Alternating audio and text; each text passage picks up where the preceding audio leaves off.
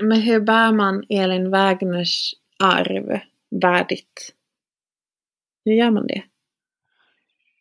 Ja, och hur gör man det idag? Liksom, det är en det är så en helt annan tid med hela den urbanisering och den globalisering som har skett sedan andra världskriget som har kanske egentligen sopat undan grunden faktiskt för det som hon ville se. Mm. Så det är som att vi inte ens vet hur vi ska... Eh, det är som att vi kanske har eh, ganska mycket tappat förmågan att ens... kan det vara så illa faktiskt att vi har tappat förmågan att knappt förstå hennes diskurs? Ja, men det tror jag. Alltså jag, jag menar, hon blev ju inte ens förstådd på sin tid ordentligt. Nej. Uh, men jag vet inte, alltså, uh, alltså jag är väl liksom praktexempel på en urbaniserad narcissist millennial. Liksom. Men jag känner ju väldigt mycket, alltså i den rotlösheten som att kom, alltså men dels okej alltså, som bakgrund att vara invandrarbarn.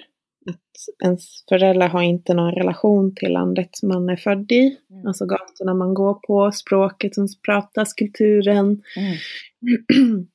och allt det. Och växa upp i en slags dubbelhet.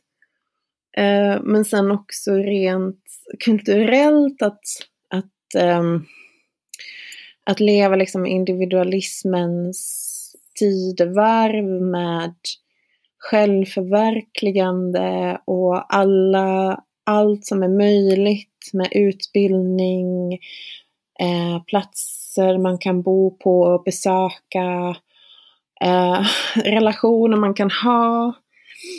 Eh, att allt är så öppet för en så finns det ju ingenting som jag egentligen längtar efter mer än att ha anknytning till en plats.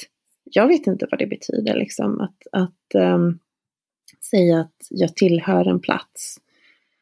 Um, och, och att som Birger pratade om så här, att väva den här väven som Elin Wägner gjorde med en sån som, som bredd.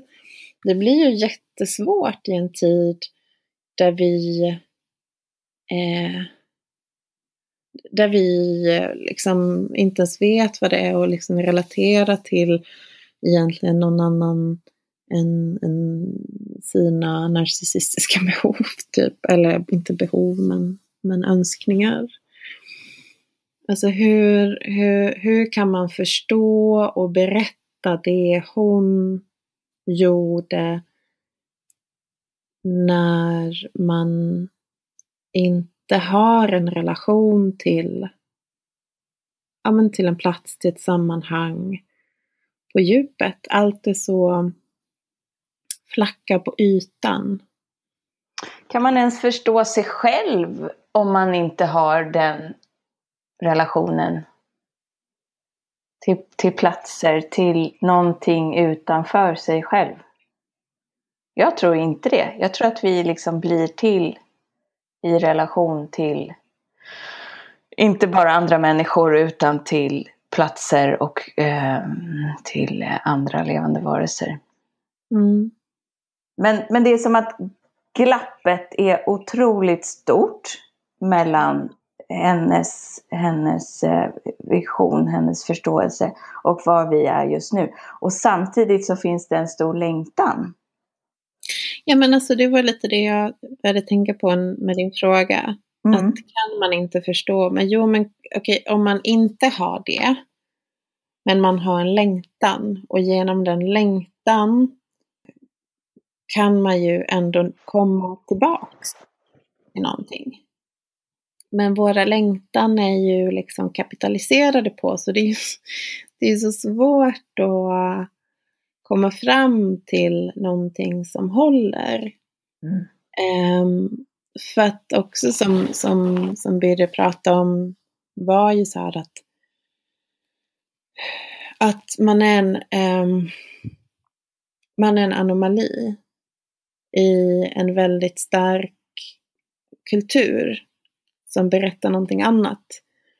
Och det är svårt att hålla, hålla kursen, eh, hålla kursen stadig när, när man blir mer bekräftad när man gör åt ett annat håll. Eh, man blir mer klappad på om man säger rätta ord, som är de rätta orden idag. Mm. Um, man blir mer bekräftad om, om man bekräftar den, den, ja, de olika härskande diskurserna som kanske finns. Just det, och det, var ju otroligt. Vi har ju nu pratat med Birger Schlaug och om Elin Wägner och det var väldigt vackert att höra hur det var, faktiskt var hon som fick honom in på hans kurs. Ja, verkligen. Och där Eh, jag tänker att hans gärning har liksom, den har varit ganska lik hennes också. Att han har också inte bangat för att vara inne och grotta i de där dagspolitiska sammanhangen som inte alls kanske, ja men just där man måste vara en anomali, det är ju väldigt tärande. Eh, det är respekt tycker jag. Ja, verkligen. Mm. Verkligen att, att kunna stå kvar i det utan att tappa sig. Mm. Det är mm. jättesvårt. Mm. Ja, det är svårt, men han hade Elin att hålla i handen. Det får vi vara glada för. Det har vi försökt få reda på mer om. Det har vi tagit reda på mer om. Ja, det har vi. Mm. Det har vi. Varför ville vi prata om Elin Wägner? Därför att hon formulerade på 30 och 40-talet en, en eh, en livsbejakande syn på människor och på ett möjligt mänskligt samhälle som, som respekterar det levande. Eh, och också kvinnans roll i att skapa det levande sammanhanget. Och vi ser ju, ja, det här är ju ett, i samarbete med omställningsnätverket. Ska vi prata om det nu? Ja, varför inte? ja. ja, men för att hennes, hennes, eh, eh, hennes diskurs handlade ju om den levande helheten. Och det är det som vi försöker jobba med också ju. Som vi försöker se så här, ja, men det mänskliga samhället i en levande helhet. Hur skulle det ta sig ut? Hur skulle vi navigera i det? Och hon mm. har så mycket att bidra med där och också sätter fingret på problem som är exakt samma problem som vi fortfarande har idag. Och hon liksom klädde av dem för 80 år sedan.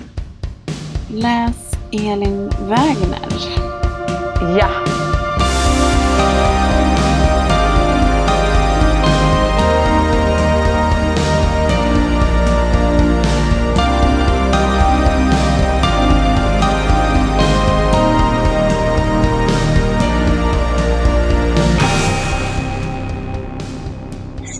Som är en ikon skulle jag säga, i, framförallt i miljöpolitiken i Sverige. Vi är jätteglada att du kunde prata med oss idag.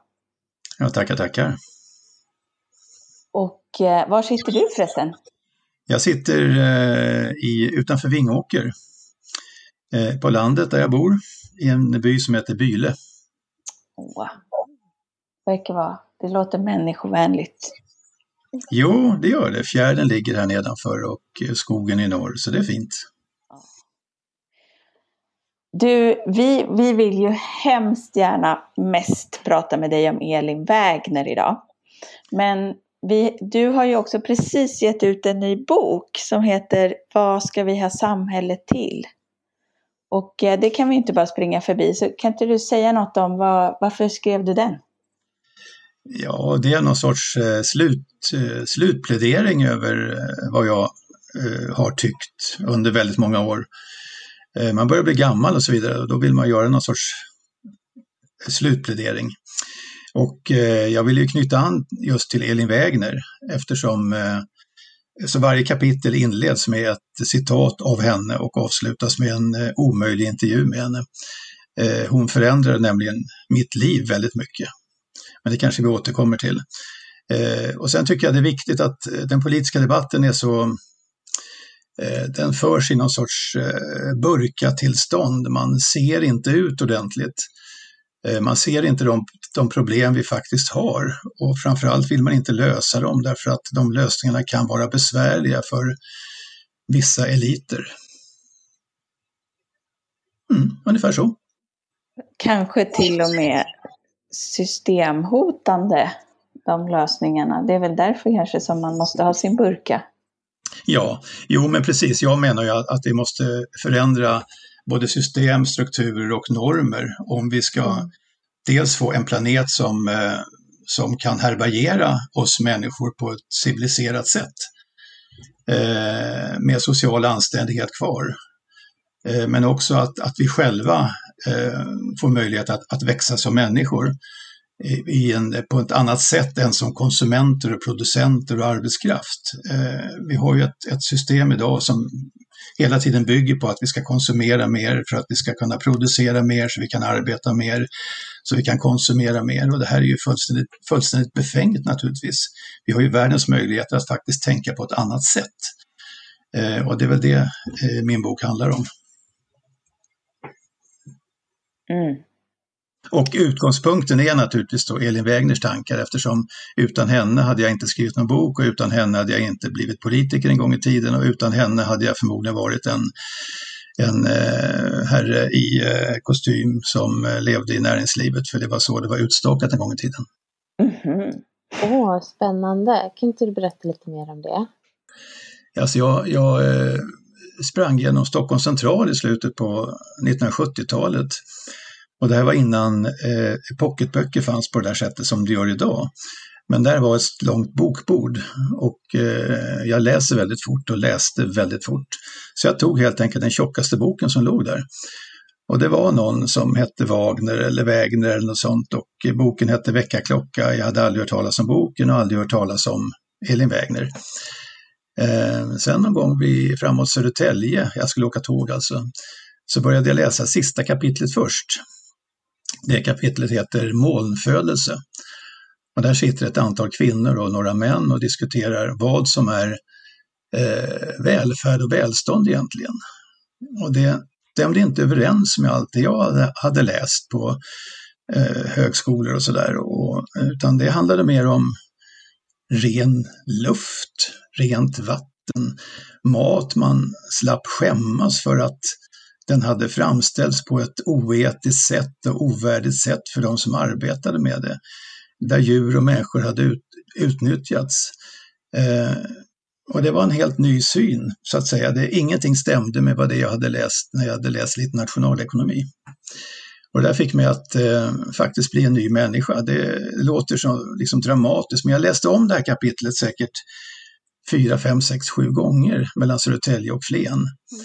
Och när jag var i Flen så jag var faktiskt en ny människa med en helt ny, världsbild, helt ny världsbild. Åh, det är fantastiskt. Alltså sånt där är så värdefullt. Jag, jag, eh, jag har just tänkt på navigering. Jag, jag, kan inte låta bli att berätta det här igen då, Archie. Alltså att när man navigerar, som de polynesiska sjöfararna när det var liksom flera dagars resor över totalt öppet hav och någonstans fanns en ögrupp som man kanske kunde hitta men det enda man hade var liksom sig själv, stjärnorna, solen och alla tecken som havet gav. Och då kan man bara veta var man är genom att veta var man har varit och var man kommer ifrån. Så att man måste alltid ha koll på var man är för att man ska sen veta var man har varit. Och, och det där kräver ju rätt mycket reflektion, tänker jag. Och då är det så värdefullt att bara veta sådana där grejer som du just berättade. Så här, mellan Södertälje och Flen hände det här. Mm. det är underbart. Jo, det var, det, Men, var, det, det var väldigt omvälvande ska jag säga. hur kändes sätt. det? Kommer du ihåg det? Hur kändes det? Ja, eh, det kan ju vara efterkonstruktion, det är svårt att veta, men eh, jag brukar beskriva det som att någon hade öppnat eh, fönster och dörrar och släppt in frisk luft. Mm. Alltså plötsligt fick man veta vad som är viktigt i livet och, och att hela, eh, hela det här tillväxttesen som vi lever efter i, i samhället, att den, den reducerar oss som människor på något sätt. Och att vi eh, på något sätt fortfarande idag, då 2020, lever med någon sorts härskarideologier då. Fortfarande ska eh, till stor del männen härska över kvinnor och eh, människan över över naturen och, och sådär och den vite över den svarte. Eh, och det var ju det hon skrev om. Hon gick ju emot de här härskarideologierna. Och de hade ju inte jag sett egentligen på det sättet förut. Eh, och det var ett uppvaknande. Eh, ja, just det. Alltså jag tycker det där är så spännande för att det är som att eh, när man när man simmar i sitt vatten eller när man är marinerad i, in i en världsbild är det ju så svårt att kanske få syn på den. För att man mm. tar det, den är så grundläggande på något sätt. Och sen att någon kommer och säger någonting helt annat. Eh, och hur det kan så här, få en att helt plötsligt se, se på sin egen världsbild och världsuppfattning på ett helt annat sätt. Och, och, jag, tycker, jag tycker det är jätte, jättefascinerande att vi, vi liksom lever med en idé som är så stark. Just det här att vi, vi på något sätt skulle ha rätt till att dämma floderna, spränga bergen, eh, skövla skogen. Alltså att det finns liksom ingenting, att det nästan är eh, löjligt, att det, det, finns något löje i att ifrågasätta den rätten eller det mm. agerandet. Mm. Um, och ja, jag, jag, bara tänker, som jag, vad jag har fångat, eh, jag har läst Väckarklocka nu i sommar. Och för mig var det så här, hur kan inte den här boken vara obligatorisk i alla skolor överallt hela tiden? För att det var som att, jag vet inte, det var verkligen som en, en, en känsla, lite som du beskrev, att hitta, jag kände att jag hittade hem till någon som äntligen på svenska pratade om någonting som jag eh, saknar jätte jättemycket i, i, i samhället idag. Det här sättet att, att relatera till och berätta just om vilka berättelser vi lever i. Och hon pratar ju just väldigt mycket mm. om krigarens språk och mm. härskarens språk som vi lever i. Mm. Uh, ja, precis. Men samtidigt är, det, samtidigt är det väl så att, att, att om man nu ställer sig utanför den här eh, normen som vi lever i. Då uppfattas man ju också som en anomali, eh, mm. som något konstigt och, så något, och något sånt där. Och det upplevde jag under de första åren jag var, jag var politiker också. Och jag tror också att det är väldigt svårt att när man kommer in i, i eh, till exempel politiska sammanhang, riksdag och regeringssammanhang och sånt där, så är det väldigt svårt att hålla fast vid den här eh, världsbilden och uppfattningen som andra som man umgås med hela tiden uppfattar som att man är en anomali, något konstigt.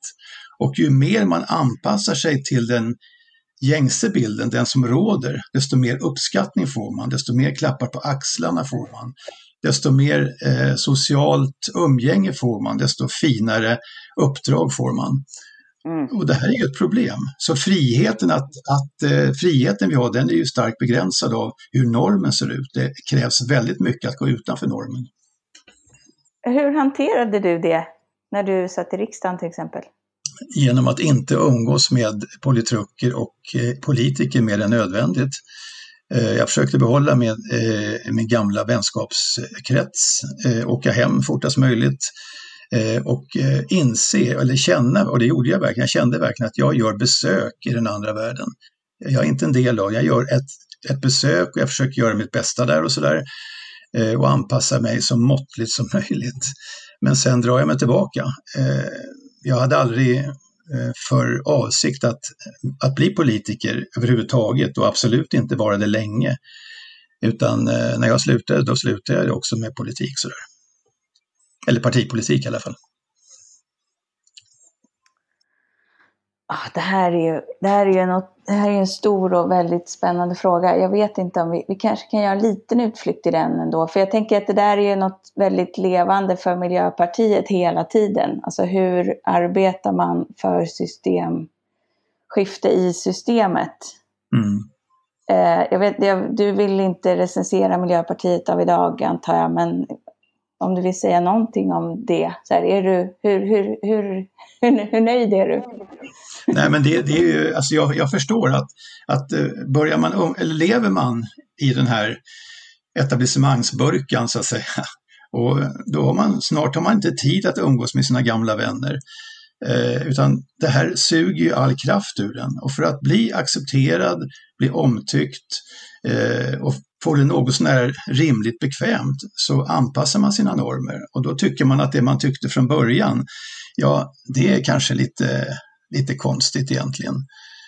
Eh, och det här gäller ju alla partier naturligtvis, alla, alla som hamnar i den politiska hetluften. Vi är ju bara människor av kött och blod och, och, och vill bli bekräftade. Och att bli bekräftad, det blir man om man håller sig inom den etablerade normen. Mm. Ja, för att jag tänkte på det när du sa det här om härskarideologin. Att fortfarande så ska männen härska över kvinnorna. Och det tänker jag är rätt få män som känner att de gör det idag. Snarare är det som att härskarideologin har tagit över oss alla. Liksom. Så vi ser inte ens den. Kvinnorna är liksom en del av, har gått in i härskarideologin, i kontrollsamhället. Så att man kan inte nästan säga att, att det är männen som står för den, för att nu är det vi alla. Mm. Jo, visst är det så. Man kan ju säga att Elin Wägner var vår första ekofeminist innan det ens var uppfunnet knappt feminismen. Eh, hon var ju eh, väldigt drivande i, eh, när det gäller kvinnlig rösträtt och sådana saker. Hon hade ju ett, ett, ett hopp då om att om bara kvinnor får rösträtt så kommer politiken att förändras radikalt. Man kommer inte att ha krigsretorik utan snarare fredsretorik. Man kommer inte att tala om upprustning och, och, och nya konfliktzoner utan snarare tvärtom. Och, och därför blev jag till slut väldigt eh, besviken också på att, att allt som hade varit det fortsatte på något sätt på samma sätt. Eh, och det berodde väl på flera, flera orsaker kanske när man tittar efteråt. Det kom in väldigt få kvinnor från början i, i något sånär, eh, ja, i riksdag och, och, och, maktpositioner och då är det väldigt svårt att, att hålla fast naturligtvis. Det krävs en, en kritisk massa så att säga för att, att man ska kunna orka stå för det man egentligen tycker och så vidare. Eh, så hon var lite besviken där över att eh, samhället inte förändrades fortare när väl kvinnor fick rösträtt. Eh, och, till slut så skrev hon då att det kanske inte är kvinnorna som kommer att förändra världen i första hand, utan det är Moder Jord som kommer att ställa krav på att, att vi måste leva på ett annat sätt. Och eh, jag tror väl att det är både kvinnor och, eh, och planeten så att säga. Men eh, ja, hon var lite besviken där. Mm. Härskarideologin var så stark. Ja. ja. Ja, precis. Den är så lurig. Alltså som, som vi sa tidigare, att, att man ser ju knappt den. Jag tänker ju på, apropå det här som du, att, att, att vara en anomali Eh, och hon skriver också om det så här, att, att många liksom, kvinnor är så rädda för att bli tagna som fanatiska och dåraktiga. Men eh, jag blev, ja men det var ett passage i, i boken där hon skriver att men, men några av, av oss faktiskt måste det. Vi måste ta, vara där riskera eller ta de här konsekvenserna av att eh, bli upplevda som fanatiska för att de efter oss ska kunna bära någonting. Eh, och ja, jag tänker att, att, att det, är ju, det är ju någonting, no, någonting som, som, som lever väldigt starkt i mig. Att hur, eh, ja, men hur ska man behålla någon slags intellektuell eh, och eh, känslomässig värdighet i den här tiden och samtidigt försöka vara en röst för någonting som, som, många, kanske, som många inte förstår vad man, vad man håller på och pratar om eller försöker säga. Och så. Um, att, att, det, är, det, det är ju en, en jätteutmaning att försöka vara en röst för ett, ett annat något, någon, en annan berättelse i en berättelse som inte ens förstås som en berättelse utan som förstås som, som bara sakernas tillstånd. Mm. Eh, det där hade ju Elin Wägner också eh, funderingar och, och problem med. Eh, Elin Wägner ställde ju upp och, och stödde de engelska suffragetterna rakt av.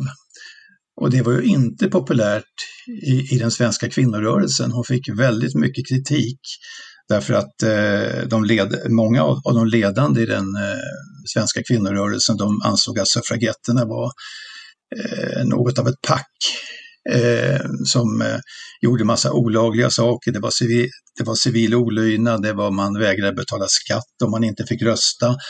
Man grävde upp en och annan golfbana och man sprängde en och annan eh, brevlåda. Eh, och eh, Elin Wägner, hon, hon försvarade detta utifrån hur situationen var. Eh, hon var eh, på flera sådana här eh, kvinno, eh, stora kvinnokonferenser i London bland annat och eh, upplevde själv suffragetterna. Och hon eh, skriver någonstans i, i, att hon blev så uppfylld av deras engagemang och att eh, de som bara kritiserar, de förstår inte hur situationen är.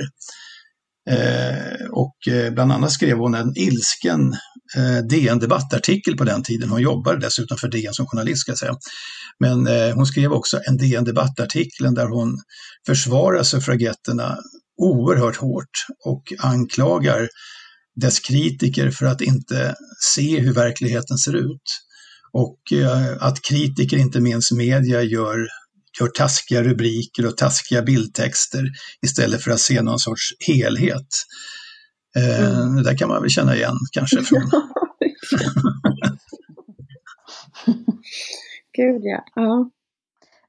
Och då apropå liksom den svenska kvinnorörelsen idag och hur den relaterar till Elin Wägners diskurs.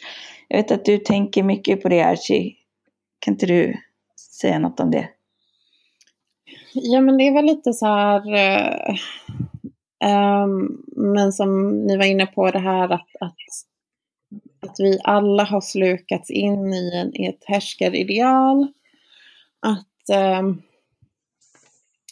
ja, men att, att kvinnorna eh, snarare liksom istället för att hålla i den, den rollen som, som man hade Alltså som, som, som, alltså som kvinna, som, som eh, mamma, eh, som, som fru. Alltså det som väldigt mycket Elin skriver om.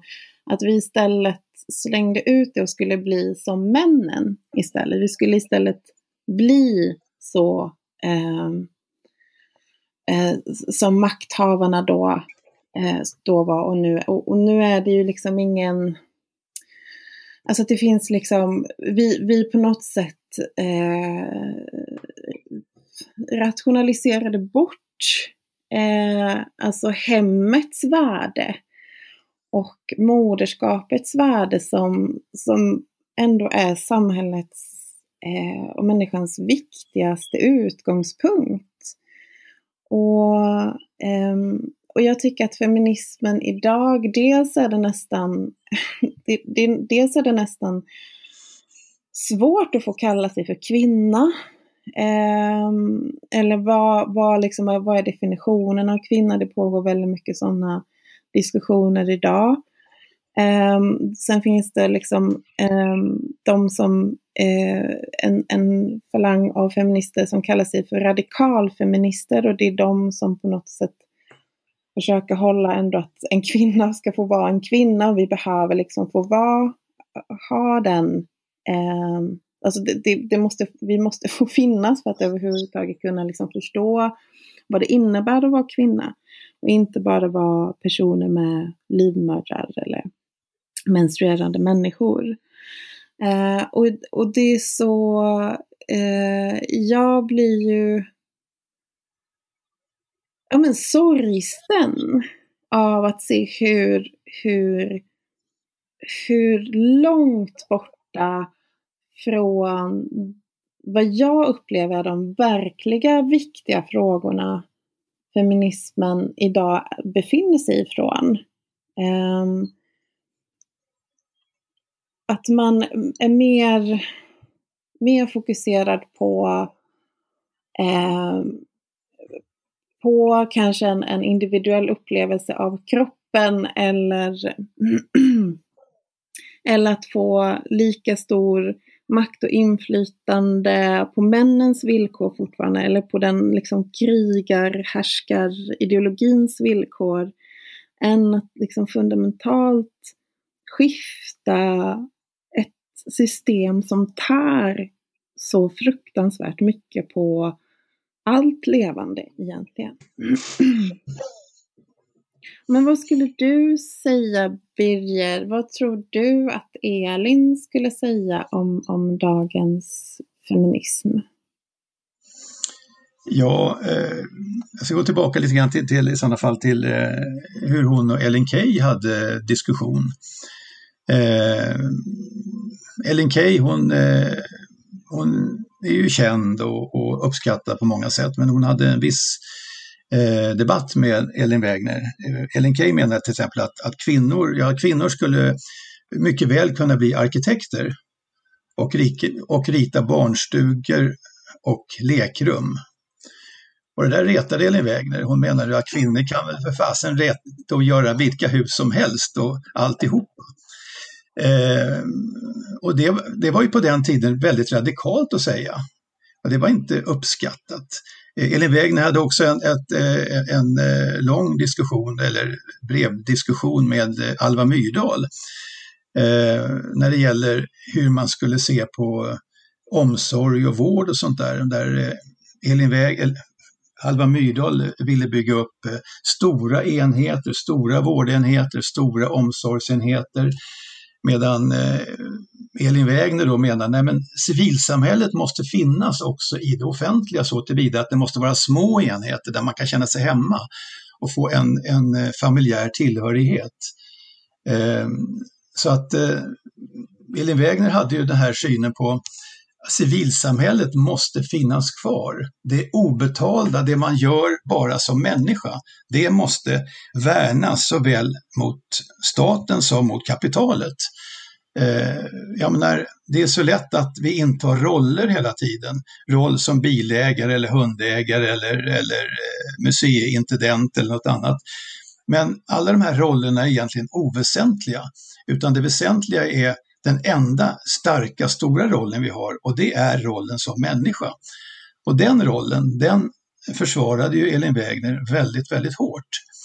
Och jag tycker det är ännu mer aktuellt idag där vi i, eh, ofta talar om eh, just vi bilägare eller eh, vi i någon sorts grupptillhörighet eh, istället för att se oss som människor i första hand.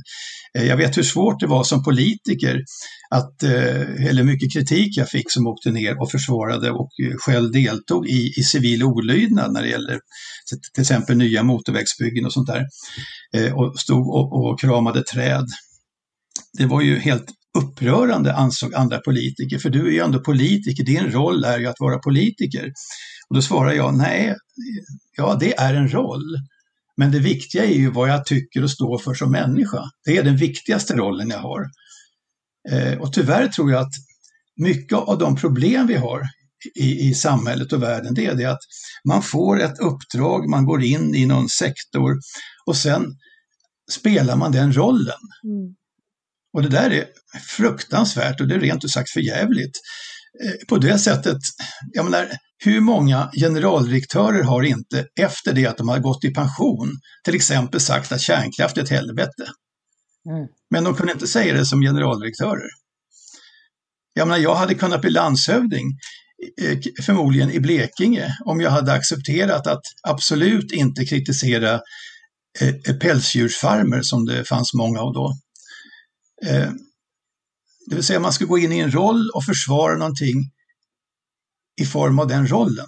Mm. In, inte som medborgare i ett samhälle eller som människa. Och det här tycker jag är problematiskt. Man får egentligen inte vara människa då i det samhället? Inte om man vill eh, ha klappar på axeln hela tiden och eh, om man inte vill känna sig att man är till besvär. Just det, om man har någon slags systembärande funktion. Mm. Mm.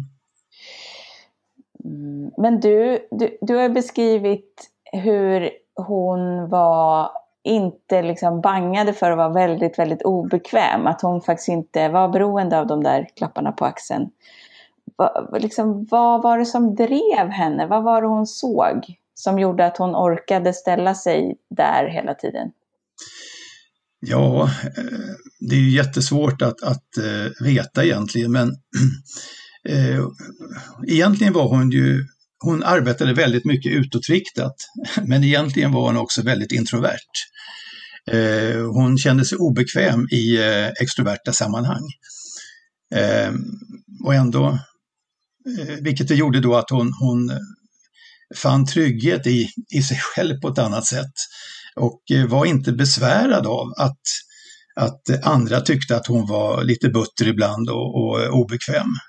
Ehm, den enda gången hon blev riktigt, riktigt ehm, ledsen över att andra inte eh, ville förstå vad hon sa och sådär, det var ju när hon hade skrivit boken Väckarklocka. Den trampade ju på väldigt många ömma tår. Och eh, allt från kyrkan till eh, militärmakten och till eh, ja, våra internationella relationer och, och synen på människor och, och, och världen och sådär. Eh, och det gick så, till och med så långt så att eh, många av hennes vänner slutade ringa. Eh, det var lite genant att vara bekant med Elin Wägner ett tag där. Mm. och det där fick henne att känna väldigt djup smärta faktiskt. Mm. Och vad var det som var värt det liksom? Eh, varför, varför var hon tvungen att göra det hon gjorde trots att det var så smärtsamt? Nej men hon, hon hade ju den här eh, synen att, att eh, rollen som människa är viktig. Det här tycker jag. Hon hade skapat sig en väldigt stor kunskap i, i allt, om, allt från eh, fredsfrågor eh, till eh, ekologisk odling och allt sånt där. Hon hade ju en väldigt stor kunskapsbank och all den kunskap hon satt inne med, den är ju på många sätt väl känd idag, men då var den okänd. När hon pratade om, om, om att den här påsaskiten skulle ut i, i jordbruket så talade hon redan då om, om försurning och allt möjligt sånt där och, och övergödning.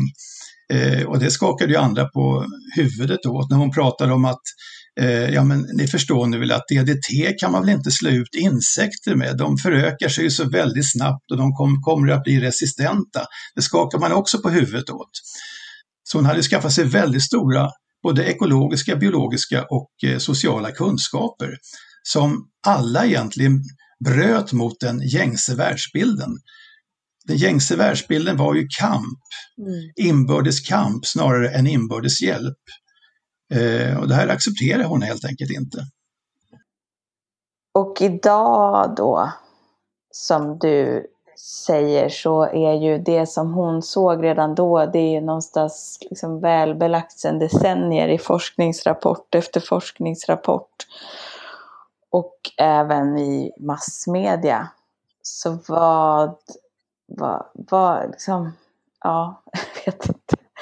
Man kan ju undra vad det är som sitter fast där. Och, men mest undrar jag vad... vad eh, eh, jag, jag, tycker att du har gjort en fantastisk gärning genom att hålla hennes verk. Liksom, och lyfta dem och prata om dem och skriva om dem och sådär.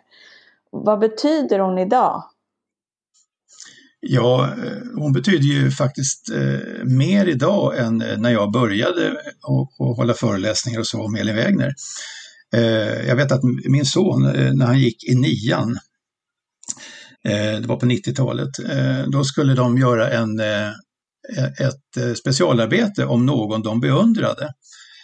Eh, och han eh, gick fram till läraren och sa att ja, men jag ska skriva om Elin Wägner. Och, då var och, lärare, och, lärare, och läraren i svenska ställde sig då frågan, vem är det? Mm. Och så var det faktiskt eh, så långt som i början på 2000-talet att väldigt få kände till Elin Wägner. Eh, och att jag började prata om det, eh, det, det, är en ganska rolig historia faktiskt. Det var, jag, jag, jag blev inbjuden en, en kvinnodag Eh, till Uppsala för att eh, föreläsa om Elin Wägner just som de hade sett att jag hade skrivit lite om. Och i publiken sitter en eh, ja, mycket gammal kvinna. Hon säger ingenting och sådär och jag håller min föreläsning och, och sen åker jag hem och så vidare. Sen något år därefter så kommer det ett eh, brev från en eh, advokatbyrå och i det brevet ligger ett annat brev som är ställt till mig ifrån den här damen. Eh, och det visar att hon hade i sitt testamente skrivit in att jag skulle få ärva 10 000 kronor för att ha ett lågt arvode när jag var ute och höll föreläsningar om Elin Wägner. Vilket jag då kunde skicka ut till bibliotek och sådär. Och eh, ja, och så började jag åka runt och prata om Elin Wägner helt enkelt. Eh, den här kvinnan, hon hade träffat Elin Wägner en gång i tiden och hon hade varit väldigt sorgsen över att Elin Wägner var så glömd. Ehm, så började det. Så vackert! Ja, ja, det var dessutom ett väldigt vackert skrivet brev med sån där vacker gammel, eh, gammeldamsstil som kan vara oerhört vacker. Oh. Vilken berättelse! Fantastiskt. Men varför tror du att hon är så bortglömd? Jo, jag tror att det är Dels var, det, var hon ju allmänt eh, obekant. Alltså, jag ska säga nu, idag är hon ju inte bortglömd. Det skrivs ju massor med böcker om Elin, om Elin Wägner, det har kommit ut två stycken nu. Ja. Eh, och, eh, så idag är hon ju inte bortglömd, det skrivs mycket om henne, men hon var. Och det kan ju delvis bero på eh, flera saker, men en sak är nog att eh, hon tillhörde ingen rörelse. Eh, lika lite som Fågelstad, den här kvinno Eh, närmast folkhögskola för kvinnor som skulle få utbildning över klassgränserna om hur man skulle inta riksdag och sånt där. Hon tillhörde inte någon rörelse, varken arbetarrörelsen eller den liberala rörelsen. Och det betydde ju att det fanns ingen rörelse bakom som ville hålla upp henne. Hon tillhörde inte arbetarförfattarna i, i, i vanlig mening. Eh, hon, var, hon var fredsaktivist och, och därmed bars hon inte av, av heller gärna av borgerliga rörelser och sånt där. Eh, det är väl ett skäl. Eh, ett kanske grundläggande skäl. Ett annat skäl, det kanske är något så, jag, jag funderar väldigt mycket om, tänk om det hade varit Ville Moberg, mm. en man mm. som hade börjat skriva en biografi över, eller han började skriva, men om han hade fortsatt med det, om han hade skrivit en biografi över Elin Wägner, om en man hade gjort det. Nu var det inte en man som började samla in material, utan det var en kvinna. Hur mycket betydde det? Hade en man skrivit en biografi och fullföljt det, hade inte Elin Wägner varit mer välkänd då? Men det var ju en man sen som gjorde det. Ja, en man och en kvinna. jag tänkte på dig. Alltså, ja, ja, ja, ja, så ja. ja, jo, jo, jo precis, men, men jag tiderna har ändå förändrats. Och, och eh, men jag tror framförallt att ingen rörelse ville kännas vid henne riktigt. Och eh, man ska också säga att 68 och 69 rörelsen, eh, när kvinnorörelsen slog till då, de målade ut Elin Wägner på ett väldigt negativt sätt som väldigt konservativ. Jag tror få hade läst vad hon egentligen skrev och tyckte. Men hon uppfattades som eh, superkonservativ och högborgerlig och så vidare och man såg bilder på hennes stora hatt och sånt där. Eh, vilket också gjorde att hon eh, uppfattades som helt ointressant. Men jag tror att väldigt många av de som kritiserade henne då, de hade aldrig läst vad hon hade skrivit. Nej, och sen så hade ju, alltså hennes diskurs var ju otroligt svår då. Hon var ju så före sin tid som du har skrivit mycket om. Men, eh, men jag tänker att när hon... Väckarklocka kom ut 41, mitt under andra världskriget.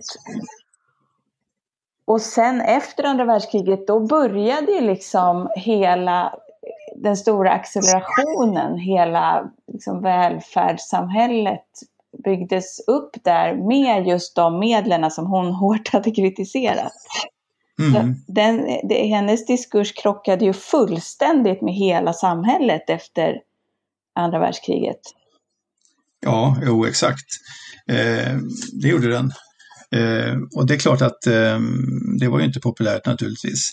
Eh, men redan då så, så, skrev hon och berättade om hur, hur, eh, hur till exempel ett stort amerikanskt företag hade eh, köpt in patentet på en glödlampa som skulle hålla länge, mycket länge.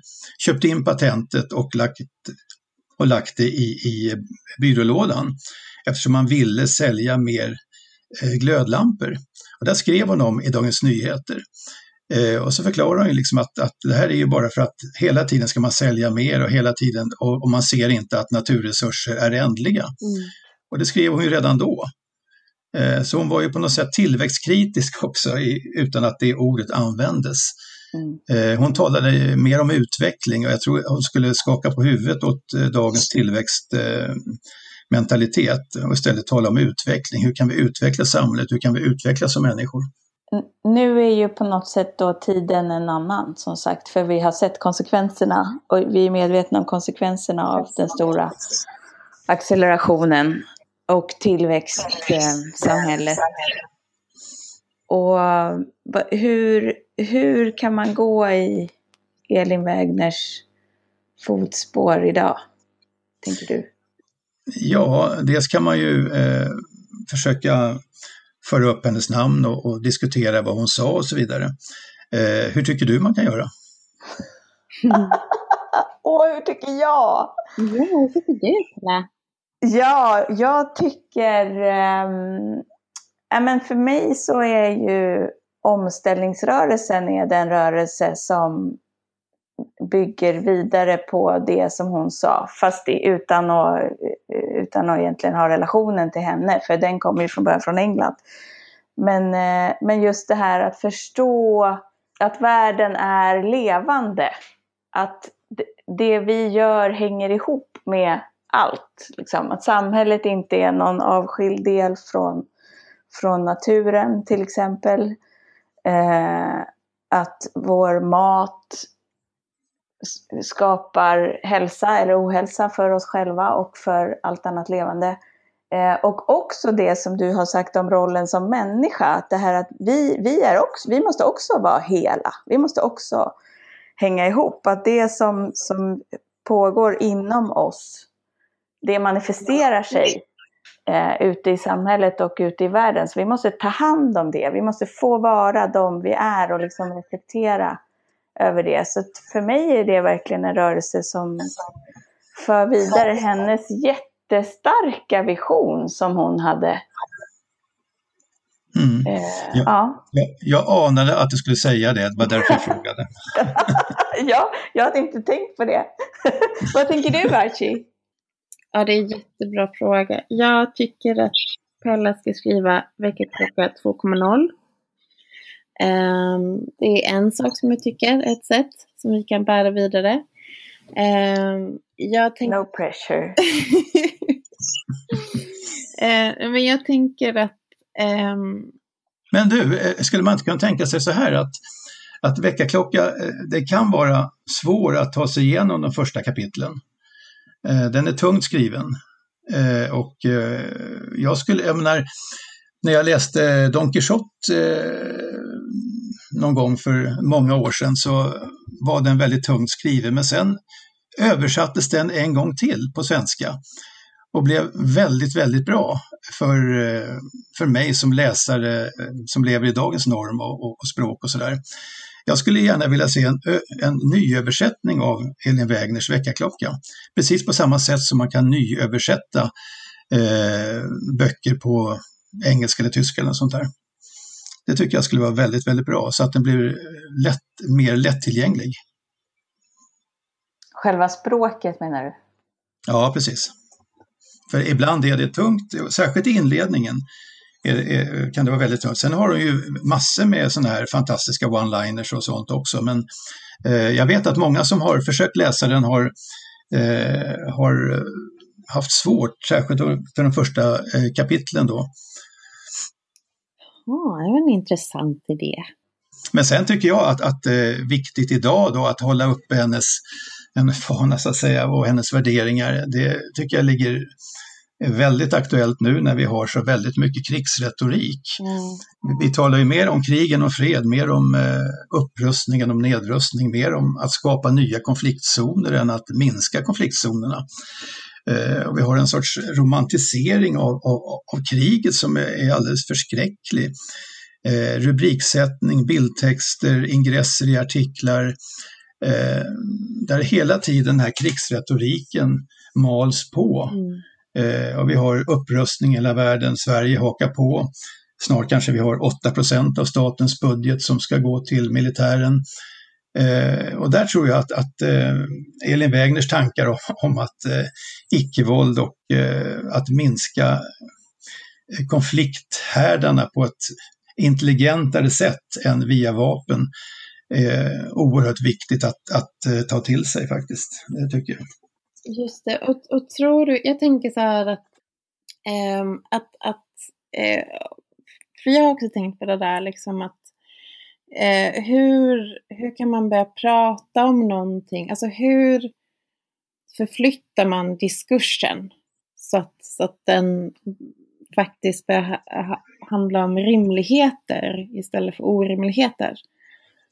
Um, och alltså jag blir bara nyfiken på, på det du säger att vi, vi lever i en tid där vi börjar se mer och mer den här sortens retorik komma fram.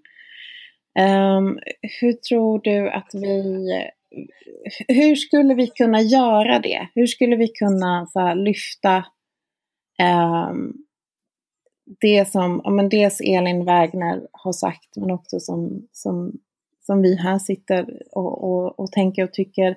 Alltså hur skulle vi kunna lyfta det på ett sätt där det får någon slags gehör?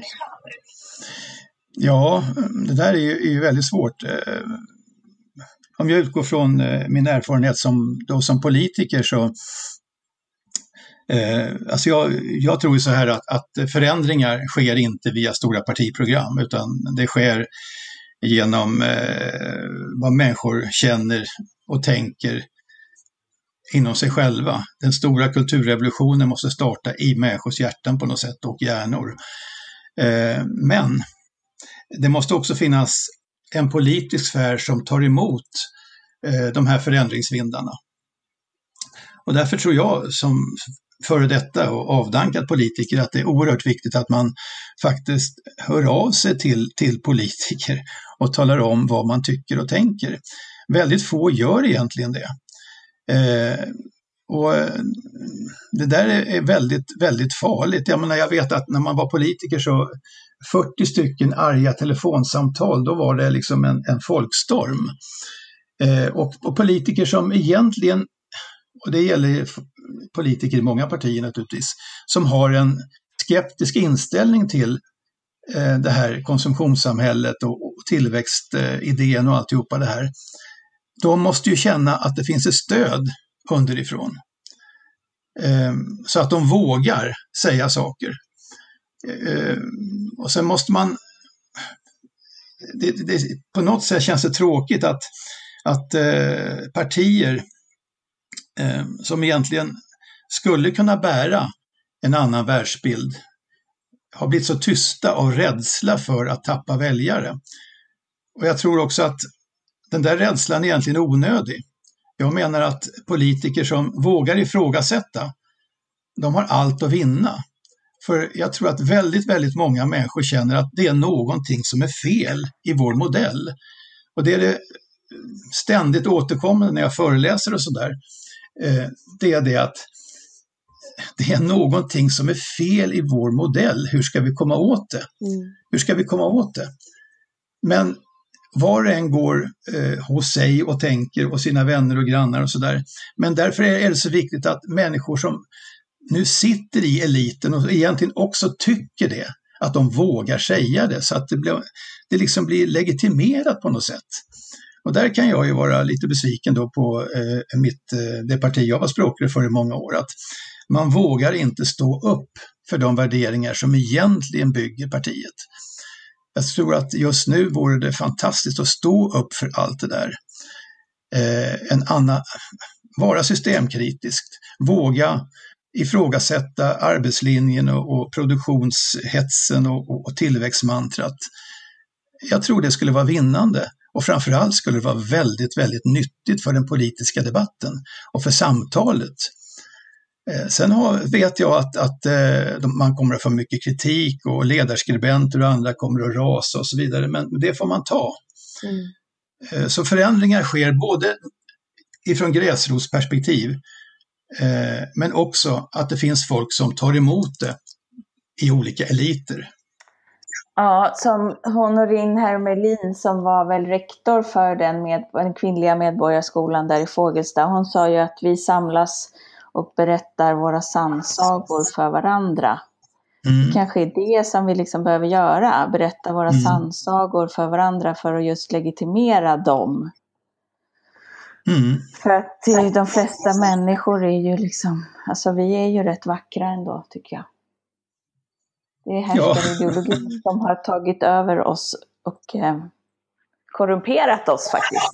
Eller korrumperar ja. oss. Mm. Ja, och sen är vi eh, insatta i ett system där vi tar, har fått stora skulder som måste betalas. Och, ja, vi är fångade i ett system helt enkelt och det, det krävs lite mod också att våga ställa sig utanför det. Jag har en fråga till Archie innan vår sista fråga. Mm. Har du någon också? Mm. Um, ja, men jag har kanske en till också. Okej, okay. mm. jag börjar då. Ja, gör det. Ja, för, eh, jag tänker på den här rollen som människa. Och att den är nu, eh, alltså på något sätt så befinner vi oss nu i ett existentiellt eh, dilemma här som, som Elin Wägner såg redan då.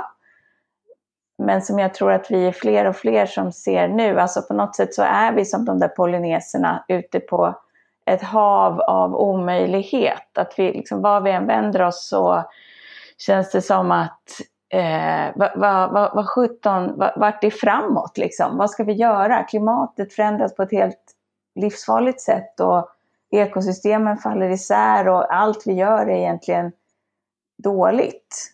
Eh, så va, vad är då rollen som människa i den stora levande helheten? Ja. Tänkte sig, tänker du och tänkte Elin, vilken är den? Ja, det måste ju vara att se sig själv som människa och inte som eh, rollspelare, inte som eh, producent eller konsument eller något annat, utan att eh, se sig som människa. Och, och alltså jag, jag, tycker det är så hemskt när jag eh, började eh, förhandla med, budgetförhandla med, med regeringen, då i slutet på 1990-talet. Eh, så visste jag inte riktigt vad det här var för någonting riktigt och, och budgetpropositioner och finansplaner och sånt där. Så jag började läsa gamla finansplaner, det är den text som inleder budgetpropositionerna. Och där såg jag något förskräckligt. Jag började läsa från eh, 80-talet, eller 70-talet och framåt. Och eh, från början var den här ideologiska texterna, de utgick från att ekonomin skulle vara till för människor. Men någonstans på 90-talet så förändrades allting. Och det var att vi människor skulle vara till för det ekonomiska systemet. Mm. Och det var, så, det var så tydligt det här skiftet. Och det gjorde mig alldeles förskräckt. Mm. Eh, och jag tycker det måste vi komma åt, att det ekonomiska systemet måste vara till för människor. Vi måste skaffa en ekonomi som om människan betyder något, som om planeten betyder något, för att citera eh, Elin Wägner. Ja, eh, ja, min, min sista fråga skulle väl vara, eller mer kanske en, en, om du ville bara ge lite dina tankar. Eh, för det, det, är en mening från väckarklocka som, som en av många, men, men den här kanske eh, för mig den som fastnat kanske mest. Eh, och den går så här. Det lidande och elände som förmörkar världen är resultatet av ett brott mot livets lag och inte lagen själv. Eh, vill inte du bara, vad, vad tänker du när du hör det? Vad tror du att hon försökte få fram med att skriva så? Ja, jag kan tänka mig att, att eh, hennes eh, grundidé då, eller hennes känsla då, eh, när hon skrev det här, det var det att eh, eh, hon hade sökt Gud på något sätt. Hon kom från ett, ett, ett prästhem och så vidare och, och eh, ja, verkligen eh, försökt. Och till slut så hittade hon ju då en, någon sorts eh, då tro om att eh, någon sorts gud eller gudomlighet finns i oss alla människor egentligen. Eh, och det är viktigare än, än eh, religion. Och att om vi förstår det där att vi faktiskt har ett inre, ett mänskligt värde som är väldigt högt, så skulle vi också kunna sätta oss över eh, de här eh, påhittade mänskliga lagarna och faktiskt förändra dem så att de stämmer överens med hur vi egentligen är. Jag tror att det var hennes tanke. Om den var naiv eller inte, det vet jag inte, men, men jag tror att det var hennes tanke där. Just det. Jag tycker det är väldigt vackert där hon mm. Eh, skriver också förteckning på bundsförvanter.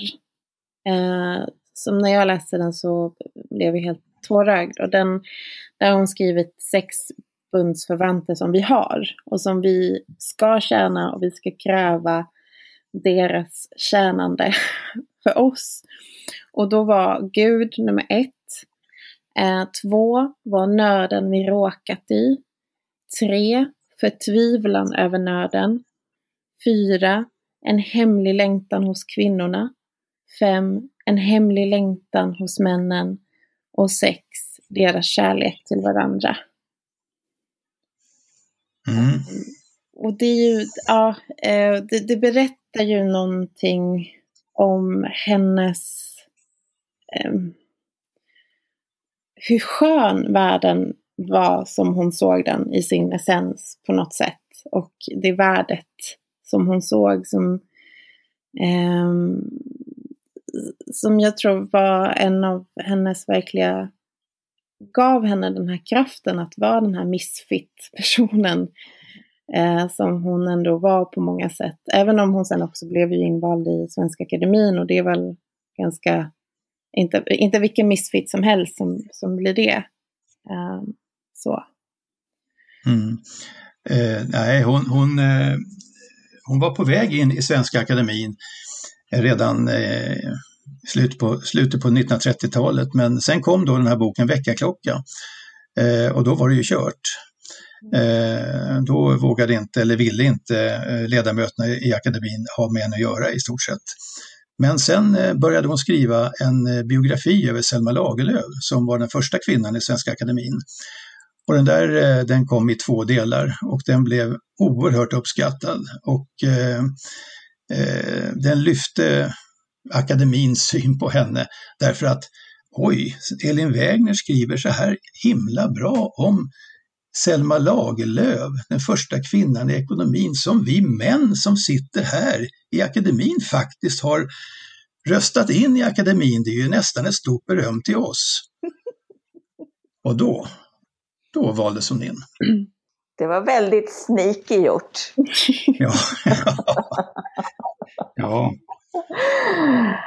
Men sen var det väl ändå att eh, jag tror jag läste, väl du som har skrivit det om också hur Harry Martinson när han talade, höll ett tal eller liksom om, om Elin Wägner när han skulle ta över hennes stol, eller hur var det? Ja, just det. Hon satt ju på stol 15 i akademin och eh, när hon eh, hade dött så skulle ju Harry Martinsson ta över och eh, alla som tar över efter någon ska hålla ett tal om eh, sin föregångare. Och det där talet det var ju inte speciellt eh, vackert. Eh, det var patriarkalt kan man lugnt uttrycka sig. Eh, Elin Wägner skrev inte så bra och det var lite naivt och det var lite barnsligt och han, hon hade ju dessutom fel i det mesta. Eh, sen ska då sägas att Harry Martinsson ändrade uppfattning så småningom. ja, eller hur? Tror, var han ja. inspirerad av henne då när han skrev Aniara och sådär? Ja, det vet jag inte, men eh, han ändrade uppfattning så småningom kan jag tänka mig, ordentligt. Ja, just det. Till Harrys eh, försvar. Ja. ja, jo det tycker jag. Men du Archie, det är kanske det vi ska göra, den där listan på bundsförvanter. Den är otroligt vacker. Du, sa, du ska ju flytta nu ja. och sa att du ska ha den på väggen i ditt nya hem. Ja, det ska jag. Vet du, vi borde kanske liksom reproducera den och, och så att gör, tillgängliggöra den i vackert format. Ja. Den är fantastisk. Ja, den, jag, jag älskar den. Ja, apropå att ha saker på väggen och sådär, citat av Elin Wägner, så eh, jag tyckte det var jobbigt när jag satt i riksdagen, särskilt sista åren och sådär, men jag hade en, en eh, eh skrivit ner eh, ett citat från Eli Wägner, några rader som jag hade ramat in och satt över skrivbordet som jag tittade på ibland när jag var jävligt trött på alltihopa. Och det, det, det citatet är så här. En fågel värjer sin bur. Det är det enda den kan göra om den tillhör en gammal burfågelsläkt och inte veta av någon annan uppehållsort. Den öppna dörren är då inte utgång till friheten, utan ingång för katten. Fågeln har rätt i att det betyder katastrof om katten kommer in i buren, men om den fria fågelns möjligheter att klara sig utanför vet den ingenting. Jag tycker att eh, vi sitter i dagens samhälle inlåsta i en bur och vi är rädda för vad som finns utanför. Mm. Men vi borde vara mycket, mycket, rädda, mycket, mycket mer rädda om vad som finns innanför och hur det förkrymper oss som människor och hotar planeten. Mm. Just det. Och då, då är ju våran fråga är ju vad är, vilket begär är så starkt så att det kan få oss som tillräckligt nyfikna för att övervinna den där skräcken för det som finns utanför?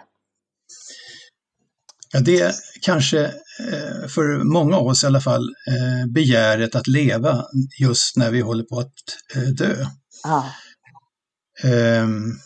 Alla som har varit i en situation där man har varit övertygad om att man är på väg att dö känner liksom att bara för att leva några år till så ska jag ta hand om varje sekund, varje minut, varje timme och göra någonting, fylla den med någonting viktigt. Mm. Istället för en massa skit mm. som vi tyvärr i stor utsträckning mer eller mindre tvingas göra idag.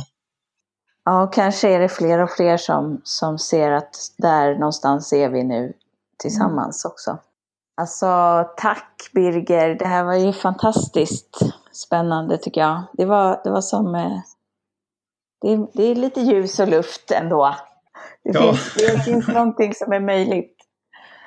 Ja, vi får väl hjälpas, upp, hjälpas åt att öppna dörrar och eh, fönster och få in lite luft i samhällsdebatten.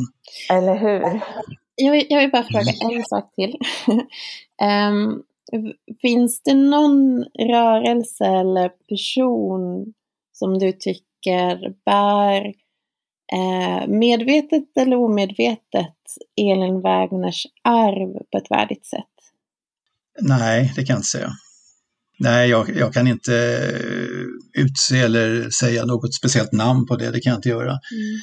Är det för att hon är så, hon, hon var så storslagen att det? Ja, hon var ju, så, hon var ju den första, hon var ju så bred eh, och djup. Jag menar, hon var ju, när jag skrev min, en av mina första böcker som heter Miljön, makten och friheten så letade jag faktiskt både i Sverige och internationellt efter någon som hade vävt samman kvinnors rättigheter, det vill säga demokrati, med fredsfrågan och miljöfrågan.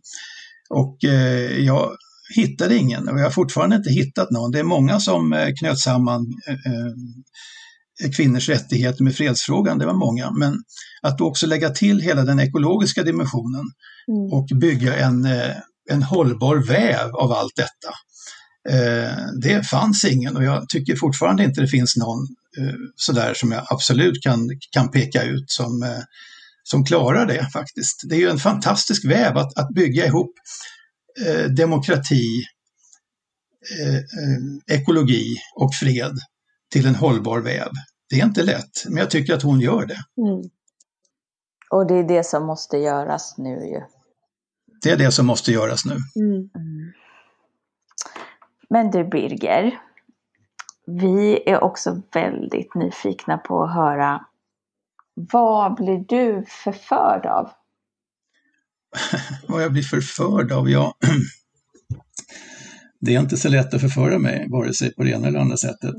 Eh, men eh, en viktig sak som eh, det oavsett om det är vad det handlar om, så är det att man har en viss distans till sig själv. Det finns ingenting som är så dödande som människor och, och åsikts och debatter där man inte har en viss distans till sig själv och ett litet mått av humor eller stort mått. Så en eh, distans till sig själv och eh, glans i ögonen med lite humor. Och, in och intelligens. Det kan förföra mig. det låter bra. Det är ju tråkigt om man inte kan bli förförd. Ja, ja jo. Ja. Det är ju det bästa. Jo, men jag, jag är ju gift och sådär. Så att... ja, vad bra. Härligt. Ni ska tack. Stort tack till dig. Ja, tack så mycket Birger. Det var jättespännande.